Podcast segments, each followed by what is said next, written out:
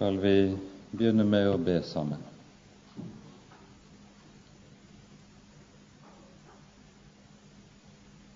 Kjære du, vår Herre, vår Gud og vår Far. Takk at vi på ny skal få lov til å samles i ditt hellige navn og om ditt dyre ord.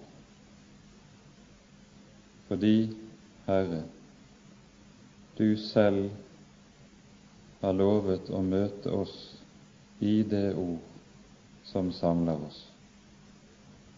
Fordi, Herre, du har lovet å komme med din ånd og tale. Og Derfor ber vi deg også, Herre, at du vil la oss få nåde til å se lys i ditt lys, og se inn i din frelses hemmelighet, slik du ser vi trenger det, at vi må få leve og nå målet hjemme hos deg.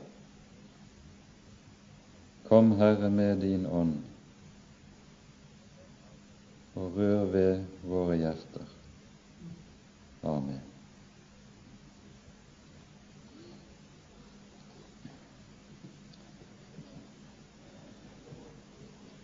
Sist gang, da vi gikk igjennom det syvende kapittelet, så vi på hvorledes hebreerbrevet peker på at den ypperste prest som Gud har gitt oss i den nye pakt, er så meget, meget bedre enn den ypperste prestlige tjeneste som var innstiftet med den gamle pakt.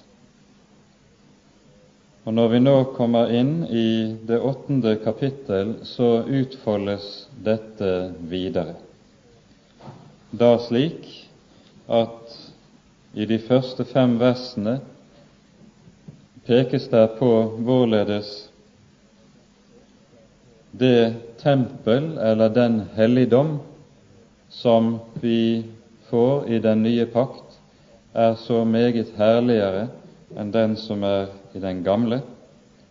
Og så fra vers 6 av og ut kapittelet pekes det på hvorledes den nye pakt er så meget bedre enn den gamle. Slik er dette kapittelet disponert, og la oss da lese det igjennom i sammenheng.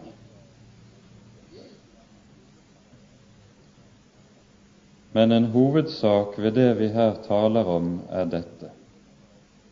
Vi har en slik ypperste prest som satte seg ved høyre side av majestetens trone i himmelen, en som gjør prestetjeneste ved helligdommen, det sanne tabernakel, som Herren har reist, og ikke et menneske.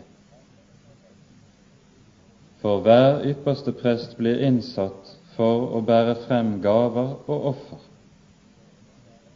Derfor er det nødvendig at også han har noe å frembære. Dersom han nå hadde vært på jorden, da hadde han ikke vært prest, for det finnes andre som etter loven bærer frem offergavene. De gjør tjeneste ved en helligdom som er et avbilde og en skygge av den himmelske, slik som Moses fikk beskjed om da han skulle bygge tabernakelet. Se til at du gjør alt etter det bildet som ble vist deg på fjellet, Men nå har Kristus fått en så mye bedre prestetjeneste, like som han også er mellommann for en bedre pakt, som er lovfestet på bedre løfter. For hadde den første pakt vært mangelfri, så hadde det ikke vært grunn til å søke plass for en annen. For det er et nedsettende ord Gud taler til dem når Han sier:" Se, dager kommer, sier Herren, da jeg vil opprette en ny pakt med Israels hus og med Judas hus Det skal ikke være en pakt som den jeg gjorde med deres fedre på den dag da jeg tok dem ved hånden for å føre dem ut av landet Egypt. For de ble ikke i min pakt, og jeg brydde meg ikke om dem, sier Herren. For dette er den pakt jeg vil opprette med Israels hus etter disse dager, sier Herren. Jeg vil gi mine lover i deres sinn og skrive dem i deres hjerter, og jeg vil være deres Gud, og de skal være mitt folk. Og ingen skal lære sin landsmann og heller ikke noen sin bror å si:" Kjenn Herren, for de skal alle kjenne meg, fra den minste til den største blant dem.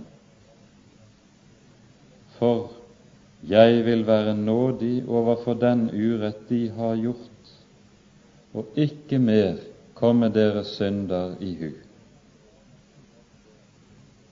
Når han taler om en ny pakt, har han dermed erklært at den første er foreldet. Men det som blir foreldet og gammelt, er nær ved å bli borte. Amen.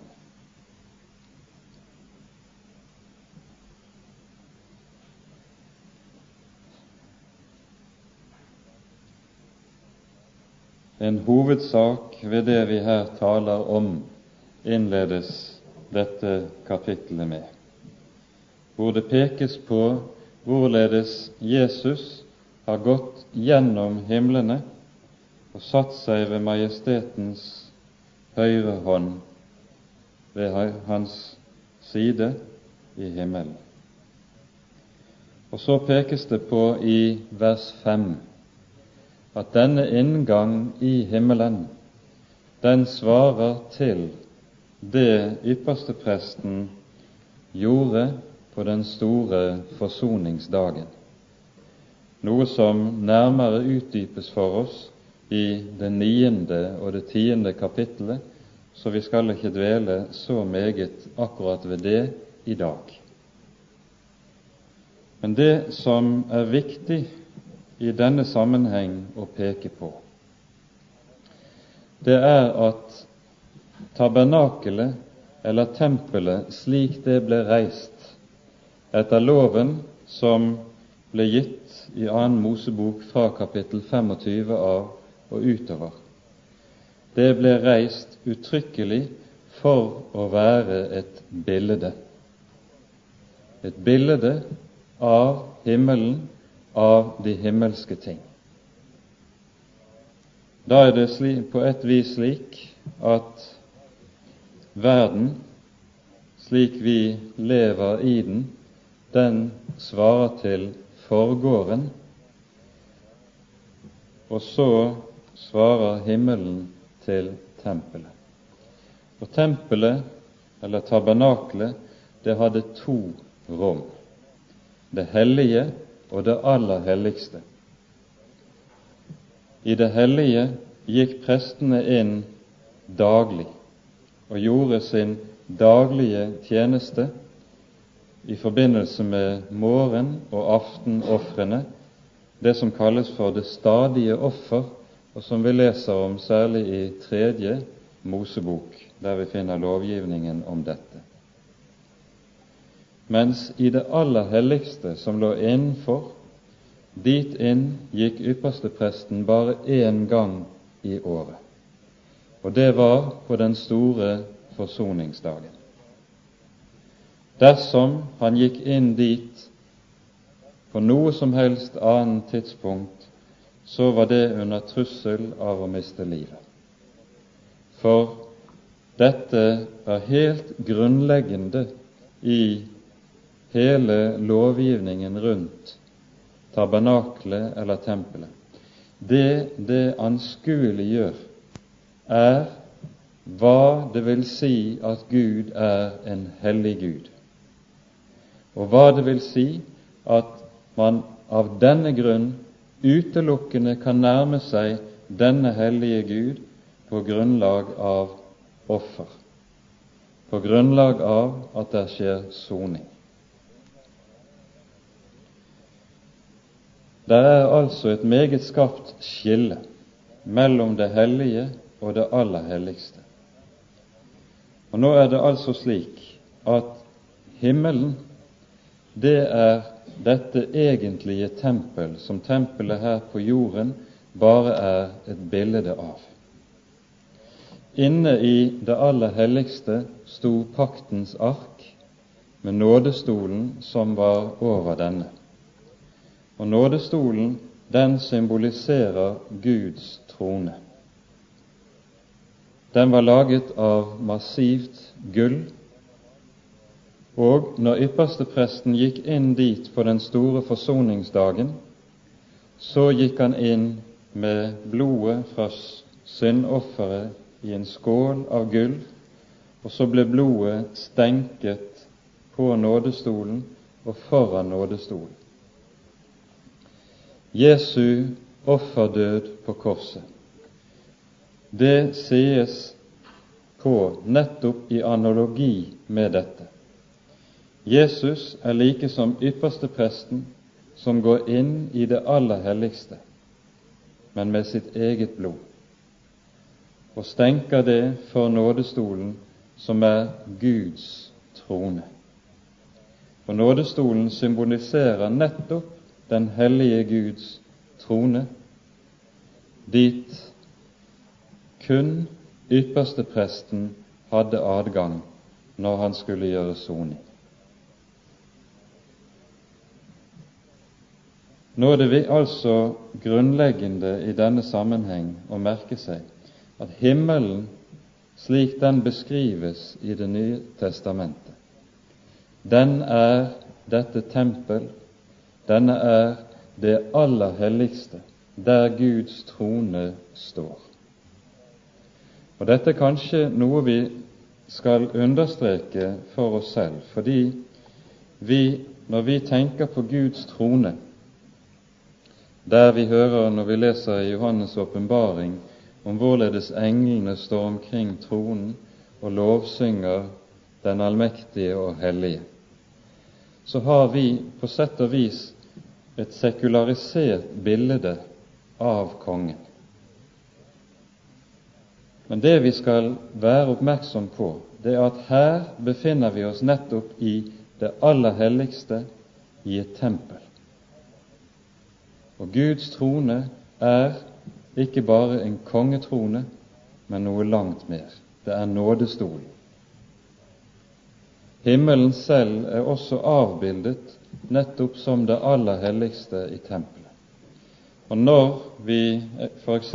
i det 21. kapittelet i Johannes' åpenbaring hører om det nye Jerusalem som kommer ned fra himmelen, fra Gud, så er det nye Jerusalem tegnet for oss på en ganske bestemt måte, nemlig som det aller helligste. Det ser vi av at målene til det nye Jerusalem er tegnet for oss. Det er tegnet som en kube med like store høyde, lengde og bredde. Og det var slik det aller helligste var. Det er helligdommen vi befinner oss i, der du har alt det som hører helligdommen til, nemlig Guds tjenesten. Derfor er englenes lovsang og de saliges lovsang i himmelen det er ikke å ligne med hurraropene for kongen på 17. mai, men med gudstjenesten som foregikk i tempelet i Jerusalem.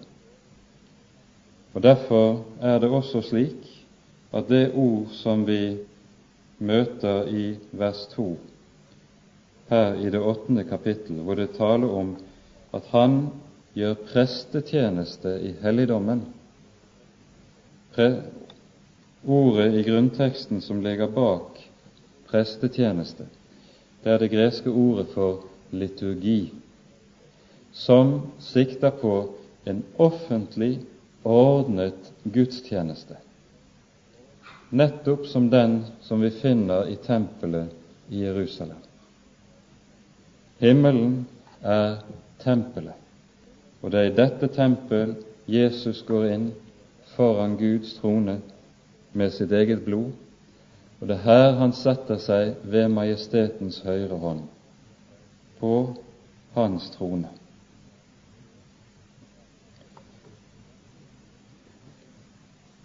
På denne måten så er det også slik paradiset skal tenkes når vi ser inn i det i Johannes' åpenbaring. Det er tempelet som er grunnbildet av alt. Her understrekes det også, slik vi leste det, at dette tempel det er bygget av Herren selv, og ikke av et menneske. Her tenker antagelig hebreabrevets forfatter på noe som vi hører eller møter i jødisk tradisjon allerede på Jesu tid.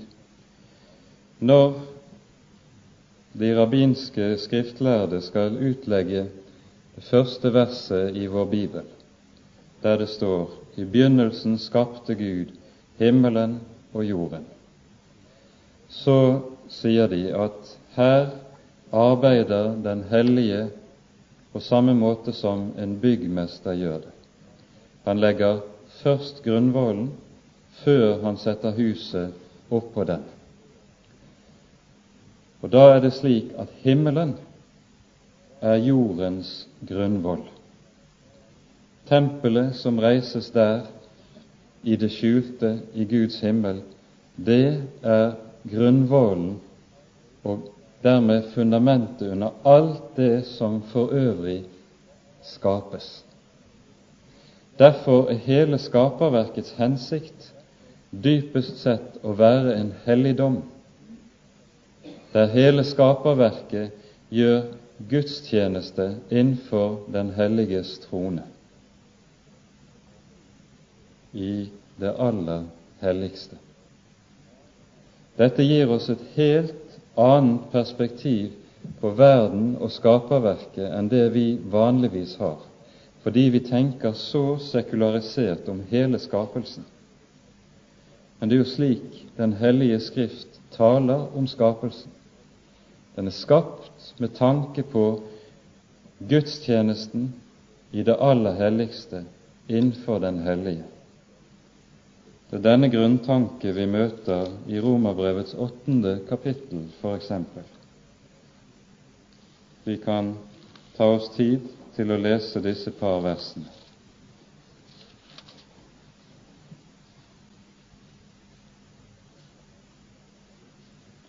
Her leser vi fra vers 19. Skapningen venter og lengter etter Guds barn skal bli åpenbart. Skapningen ble jo lagt under forgjengelighet, ikke frivillig, men etter Hans vilje som la den under forgjengelighet i håp om at også skapningen skal bli frigjort fra trelldommen under forgjengeligheten og nå frem til Guds barns frihet i herligheten. Her er det nettopp det lengselen etter den sang, den lovsang, den gudstjeneste og den liturgi som alt det var skapt til fra begynnelsen av, som ånder ut av disse versene. Så vet vi hvorledes det gikk. Med syndefallet kom det grunnleggende skillet inn. Det skillet som gjorde at man også fikk et skille i helligdommen, der adgangen for mennesket inn til det aller helligste ble stengt. Det er det som er anskueliggjort ved at ypperstepresten alene var den som hadde rett til å stige inn dit, egentlig fra begynnelsen av var det alle, var det, det alle mennesker var skapt til og tiltenkt. Og så, når soningen er fullbrakt, hva er det da som skjer? Da revner forhenget som stenger adgangen inn dit, og gir derved til kjenne at nå er det skillet som ble skapt i og med fallet, den avstand mellom Gud og mennesker som ble skapt eller kom inn med fallet, den er tilintetgjort. Og Derfor er det det kan lyde sånn som det gjør i åpenbaringsboken syvende kapittel.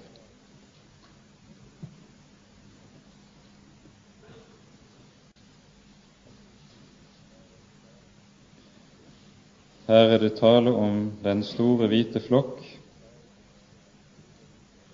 og vi leser i vers 14. Herre, du vet det. Og han sa til meg, dette er de som kommer ut av den store trengsel. De har tvettet sine kjortler og gjort dem hvite i lammets blod.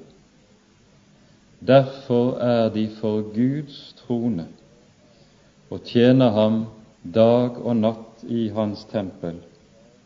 Og han som sitter på tronen, skal reise sin bolig over den. Hele skapningens lovsang er blitt det den skulle være, og skillet er nedbrutt.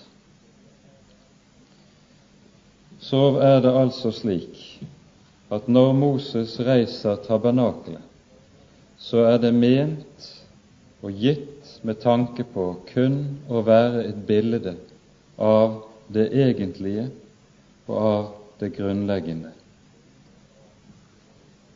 Et bilde som viser både hva vi er kalt til, og peker frem mot fullbyrdelsen som kommer med Guds sønn. Vi skal fortale noe mer om det neste gang, og går nå nærmere inn på det vi hører ifra vers 6 om den nye pakt. For denne pakt har også det med seg at den nye pakt, den er like som det nye tempel knyttet til det himmelske noe vi skal komme tilbake til. Her understrekes det i slutten av det sjette verset, som er lovfestet for bedre løfter. I den gamle oversettelsen sto det 'som er grunnlagt eller grunnfestet på et bedre løfte'. En pakt er nemlig noe som er grunnlagt på og bygget på noe ganske bestemt. Men før vi går nærmere inn på det, så må vi først si noen ord om hva en pakt egentlig er.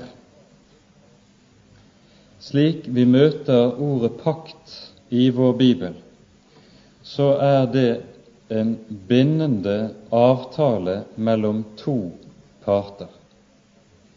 Og den er bindende i den forstand at den også er juridisk bindende. Vi hører om pakter mellom mennesker i Bibelen, f.eks. mellom Abraham og Abimelek. Det leser vi om i Første Mosebok. Likeledes mellom Jakob og Laban. De slutter pakt seg imellom. Og disse paktene som sluttes mellom mennesker, de har bestemte trekk som peker på noe nøyaktig det samme som er tilfellet med pakten som inngås mellom Gud og mennesker. Det hebraiske ordet for pakt er beritt. Og det kommer av en stamme som betyr å binde. Pakt er et bånd som binder to parter sammen, og er i prinsippet uløselig, uoppløselig.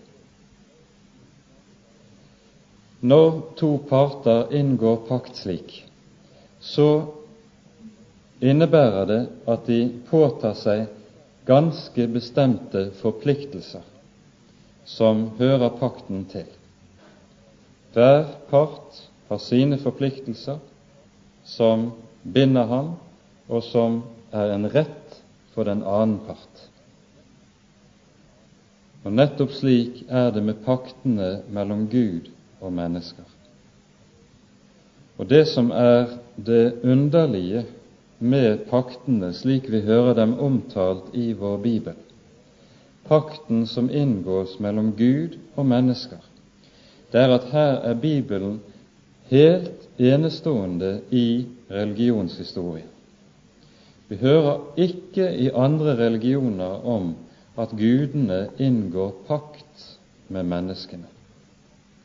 Tvert om er det slik at der kan råde den reneste vilkårlighet fra gudenes side i forhold til menneskene.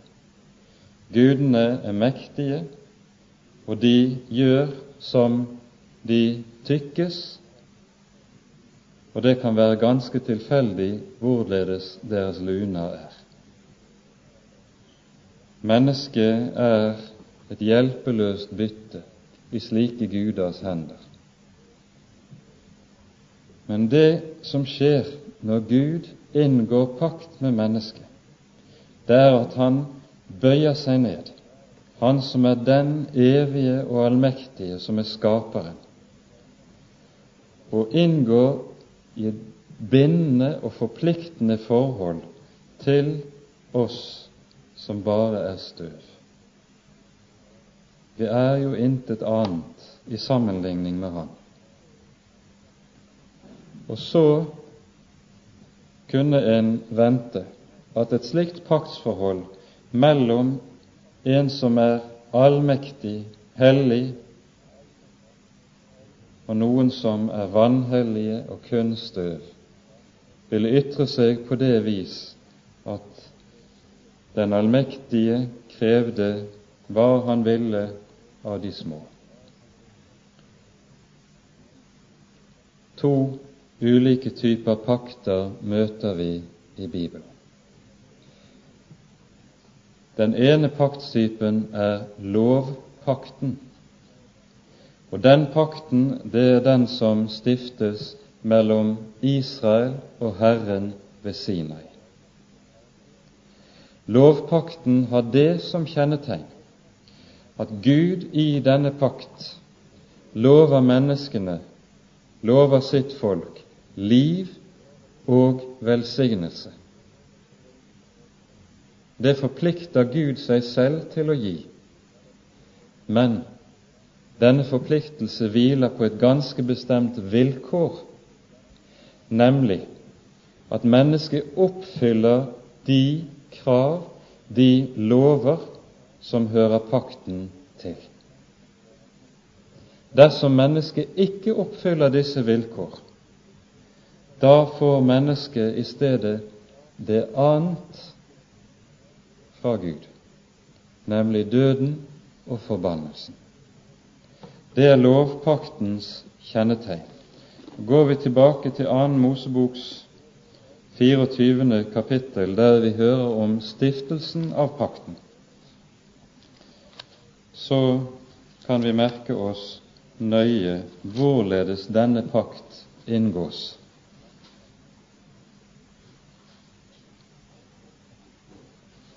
Hele dette kapittelet taler om paktsinngåelsen ved Sinai, og vi leser fra vers 4. Så skrev Moses opp alle Herrens ord. Han sto tidlig opp om morgenen og bygget et alter nedenfor fjellet, og reiste tolv støtter for de tolv Israels stammer. Siden sendte han ut noen unge menn av Israel de bar frem brennoffer og ofret slakteoffer av okser til fredsoffer for Herren. Og Moses tok halvdelen av blodet og helte det ut i skåler, og halvdelen av blodet stenket han på alteret. Så tok han paktens bok og leste den opp for folket, og de sa, Alt det Herren har sagt, vil vi gjøre og lyde. Da tok Moses blodet og stenket det på folket, og han sa, Se, dette er paktens blod, den pakt som Herren oppretter med dere på alle disse ord. Grunnlaget for denne pakt, som altså er lovpakten, det er den lov som ble skrevet ned i paktens bok, og hva den loven inneholdt, det vet vi av det foregående kapitlet. Det er loven som ble talt ved Sinai, fra kapittel 20 og ut kapittel 23. Det er de ti bud. Og budene har jo nettopp det med seg at de lover oss liv, velsignelse og salighet så fremt vi oppfyller loven. Det er vilkåret. Gud har bundet seg til mennesket, til Israel, på det vilkår. Så er det også en annen paktstype i Bibelen, og det er den pakt som kalles for nådepakten. Vi har et forbilde på hva den er og innebærer, også i Det gamle testamentet, nemlig i den pakt Herren inngår med Abraham, og som vi hører om i Første Moseboks 15. og 17. kapittel. Det som kjennetegner nådepakten, det er noe helt annet enn det som kjennetegner lovpakten. For mens lovpakten binder mennesket i ganske bestemte forpliktelser, og der Gud lover på sin side å oppfylle andre forpliktelser på betingelse av at mennesket gjør det som er pålagt det, så har nådepakten en helt annen karakter. Den er slik at det ligger ingen forpliktelser på mennesket som det skal oppfylle. I stedet ligger alle forpliktelsene i paktsforholdet på Gud selv slik at han vilkårsløst, betingelsesløst, lover mennesket liv, salighet og velsignelse for intet. Alt dette får mennesket del i, attpåtil på slikt vis at Gud den allmektige binder seg selv til å gjøre å oppfylle dette. Les Første Mosebok 17. kapittel om hvorledes Gud inngår pakt med Abraham, og se hvorledes alle forpliktelser her hviler på Herren. Det eneste Abraham behøver, er å tro dette Guds løfte, så har han det. Og Abraham trodde Gud, og det ble regnet ham til rettferdighet. Her lyder det ikke noe 'gjør så og så, så skal du få hva Gud lover', men det lyder helt enkelt 'jeg skjenker det for intet'. Og nettopp dette er det som er forskjellen mellom den gamle og den nye pakt. Den gamle pakt, slik vi hører den omtalt i dette avsnittet fra vers 6 av, det er pakten som ble innstiftet på Sinai med Israel. Lovpakten, og som Israel brøt. Som Israel brøt. Og fordi denne pakt ble tilintetgjort og gjort i stykker ved folkets ulydighet, lover Gud selv allerede i Det gamle testamentet at han vil gi og innstifte en ny pakt som hviler på et annet grunnlag enn den første pakt gjorde det. Og denne nye pakt, hvilket grunnlag hviler den på? At det er gjort et offer for synd. Derfor er det Jesus, i det han innstifter nadværen, løfter vinbegeret og sier dette er den nye pakts blod, som utøses for dere til syndenes forlatelse. Pakten innstiftes ved et offer og blir rettsgyldig eller rettskraftig, om vi så kunne si det, i kraft av det blod som er utgitt i offeret. Og så står pakten fast. Den står fast i himmelen hos Gud. Og nettopp dette er det det pekes på i den 89. salmen, som ser frem imot den forløsning Gud lover å skjenke gjennom Messias.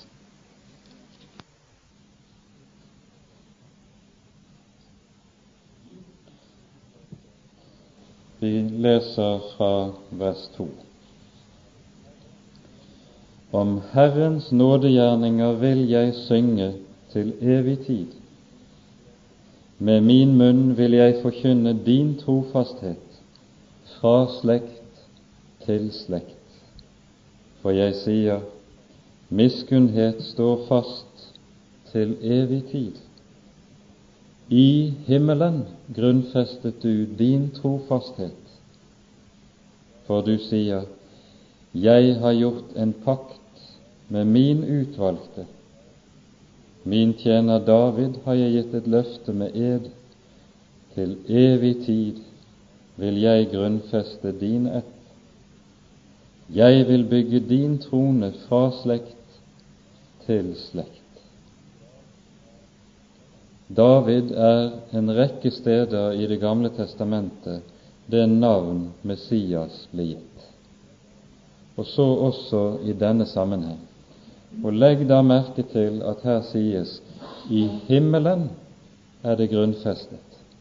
I himmelen er det stiftet en pakt, svarende nettopp til at Guds sønn, som vår ypperste prest, gikk gjennom himlene med sitt offer, og derved ble det virkekraftig. Så er det altså en bedre pakt han er blitt mellommann for.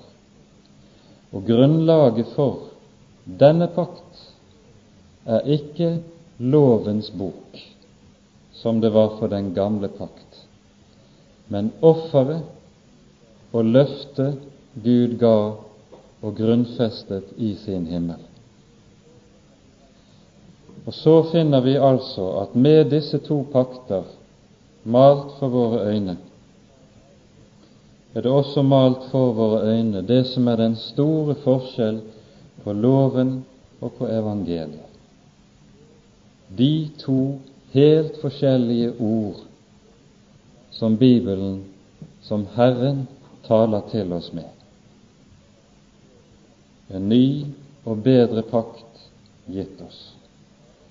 Denne pakt har også den virkning som er så meget bedre enn den gamle pakt hadde. For det som den gamle pakt ikke kunne gjøre og virke, det er det den nye pakt skaper og virker i den enkeltes hjerte og den enkeltes liv. Den gamle pakt kunne nemlig ikke skape virkelig og sann Guds frykt. Loven kan ikke det. Vi kan kanskje få minne i denne sammenheng om hva som sies i Josvas bok i det 24. kapittel, nettopp med tanke på disse ting.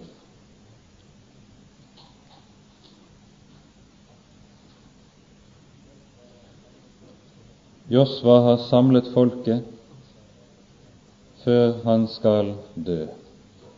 Og så vil han fornye pakten med folket, eller mellom folket og Herren. Og så svarer folket, vi leser fra vers 18, siste halvdel av verset. Folket sier også vi vil tjene Herren, for Han er vår Gud. Da sa Josva til folket, dere vil ikke makte å tjene Herren, for Han er en hellig Gud. En nidkjær Gud er Han, og vil ikke bære over med deres overtredelser og synder. Dere vil ikke makte. Nettopp dette er lovens fremste innhold og kjennetegn. Den er over evne, og derfor kan mennesket ikke bære Guds hellighet når det står under loven. For Herren er en nidkjær Gud, slik Josva her peker så sterkt på. Loven og den gamle pakt kunne altså ikke skape Guds frykt. Og Derfor er det vi leser slik vi gjør det i 2. Korinterbrevs tredje kapittel.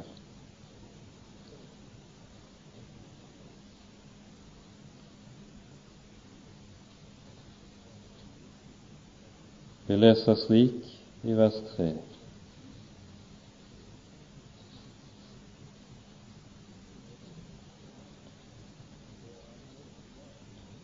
Det er åpenbart at dere er Kristi brev, blitt til ved vår tjeneste, ikke skrevet med blekk, men med den levende Guds ånd, ikke på steintavler, men på hjertets kjødtavler.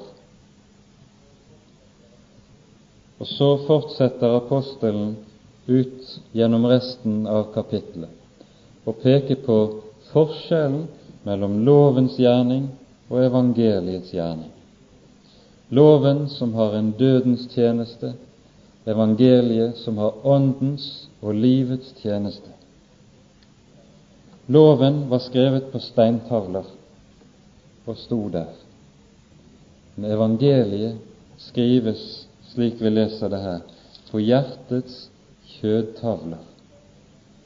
For overalt der evangeliet får komme inn, få lov til å virke tro og skape tillit til hva Jesus har gjort for oss, der skapes det også et nytt menneske.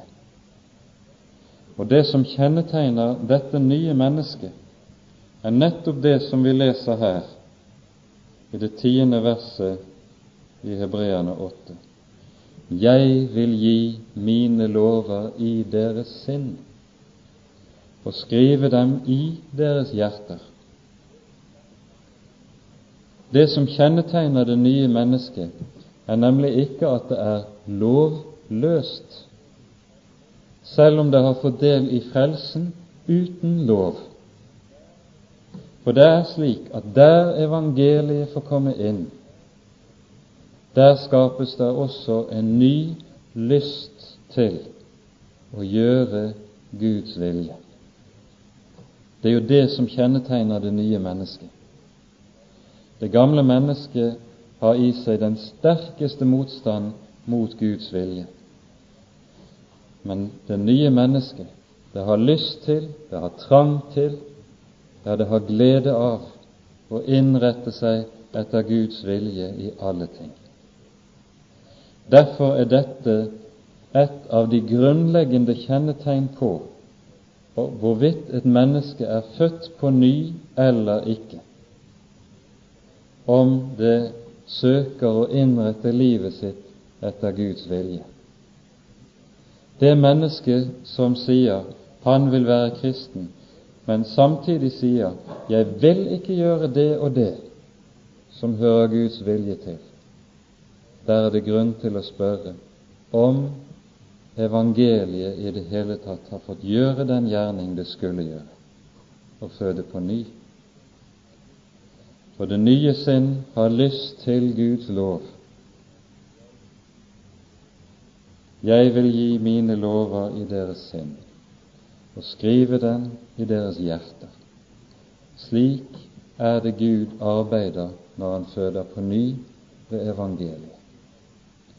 Og så blir den nye pakt en bedre pakt også i denne mening, fordi ved evangeliet kan Gud utføre og gjøre det med menneskers hjerter som han aldri kan gjøre med loven og ved å drive oss med bud påbud og trusler, som loven vitterlig taler i.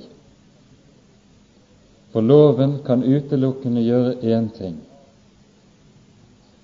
avsløre hvorledes vi er, hvor stor makt synden har i våre hjerter, og hvor dypt det stikker i oss. Det loven kan gjøre, det er kun å få oss til å møte veggen. Men frukt kan den ikke skape. Det er det kun evangeliet som kan virke. Derfor er det også apostelen Paulus sier i en annen sammenheng Jeg er ved loven død fra loven for å leve for Gud. Bare den som lever under evangeliet, er det som også lever for Gud, og dermed har denne frukt. Jeg vil gi mine lover i deres sinn og skrive dem i deres hjerter. Og jeg vil være deres Gud, og de skal være mitt folk. Dette løftet som her lyder, det er det løftet som lyder på ny og på ny slik vi pekte på det sist gang, i forbindelse med offertjenesten i helligdommen. Det er i kraft av at det skjer soning for synd, at Gud sier 'Jeg vil være deres Gud, dere skal være mitt folk'. Det er i kraft av at denne soning er skjedd, at avstanden mellom Gud og menneske er overvunnet, og den nye nærhet kommer i stedet, som sier 'Kjenn Herren', som vi hører her i det ellevte verset. For det er jo det Jesus beskriver det evige liv som. I Johannes 17, 3 sier Jesus dette er det evige liv, at de kjenner deg, den eneste sanne Gud, og ham du utsendte, Jesus Kristus. Ved ham du utsendte, kunne det like godt være oversatt. Å kjenne, det er et ord i Bibelen som brukes for å betegne det dypeste fellesskap som i det hele tatt kan eksistere mellom to personer. Det brukes som det nære forhold i kjærligheten mellom mann og kvinne. Et sterkere ord for fellesskap og samfunn finner vi ikke i Den hellige Skrift enn nettopp dette ordet å kjenne Herren.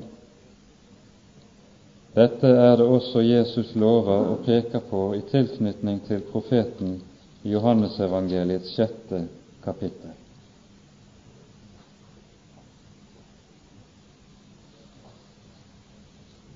Vi leser vers 45 til 47. Jesus sier, det står skrevet hos profetene, de skal alle være lært av Gud. Hver den som hører av Faderen og lærer, kommer til meg. Ikke så at noen har sett Faderen, Bare han som er av Gud, har sett Faderen. Sannelig, sannelig sier jeg dere, den som tror, har evig liv. Høre av Faderen og lære, lære å kjenne. Ingen skal behøve å si til sin bror 'Kjenn Herren', for de skal alle kjenne meg. De skal alle være lært av Gud, lyder det. Fordi dette ord 'å kjenne' brukes på denne måten i Bibelen for å beskrive fellesskap, dette dype fellesskap, så er det også slik at ordet pakt brukes om et særlig forhold mellom mennesker, nemlig det ord eller det vi finner i ekteskapet. Ekteskapet mellom mann og kvinne beskrives i Bibelen nettopp som en pakt. Og denne pakt anses jo nettopp som forbilde på forholdet mellom Kristus og menigheten, slik vi møter det en rekke steder i vår bibel. I denne sammenheng kan vi peke på Efeserbrevets femte kapittel. Et avsnitt som er overmåte betydningsfullt.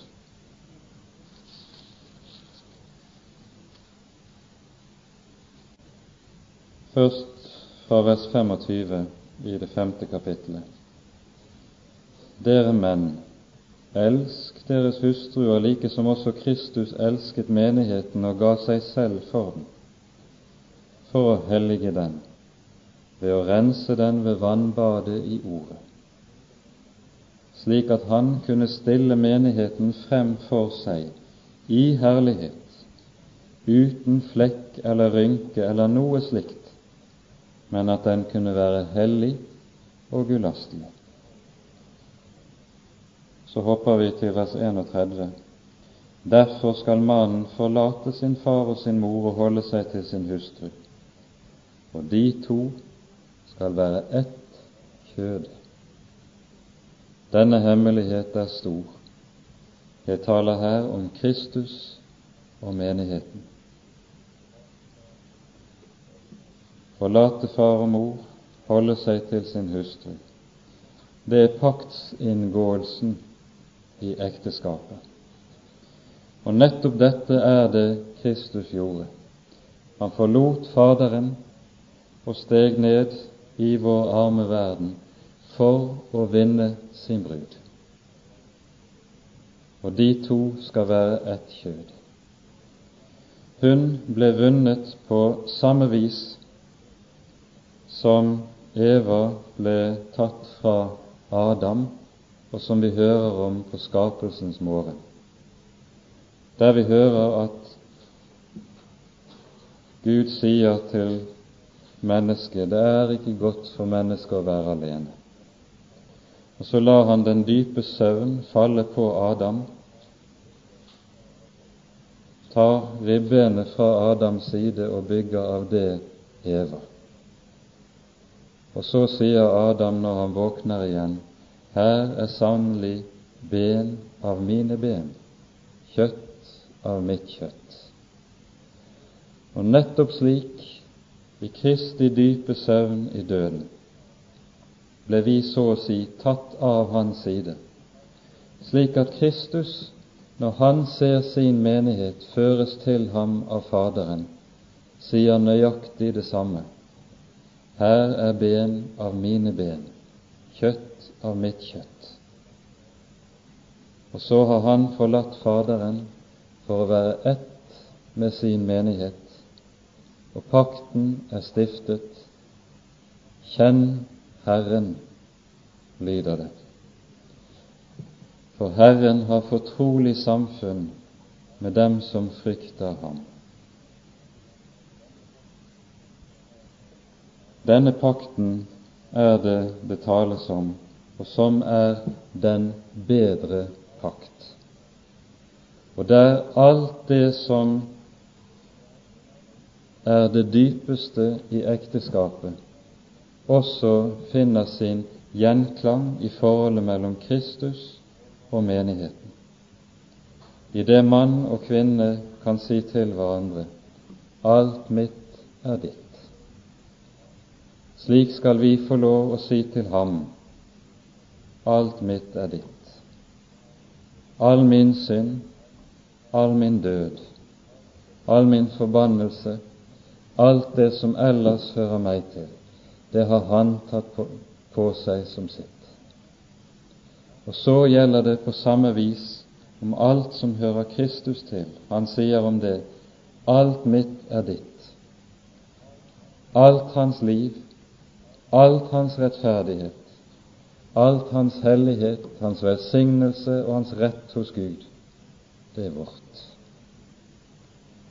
Derfor er det det sies også, som det lyder her i 12, jeg vil være nådig overfor den urett de har gjort, og ikke mer komme deres synder i hu. Når han dermed taler om en ny pakt, har han dermed erklært at den første er foreldet.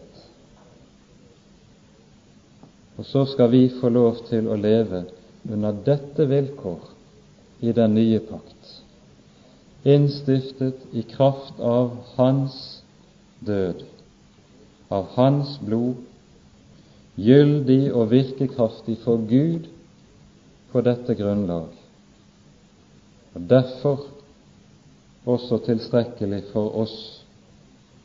Derfor skal vi få lov til å ha dette løftet.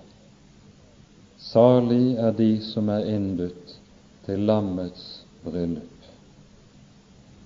Det er det som ligger foran, pakten som fullbyrdes i det himmelske tempel når Han kommer tilbake. Et bedre tempel og en bedre pakt er det det pekes på for oss i dette avsnittet. Amen.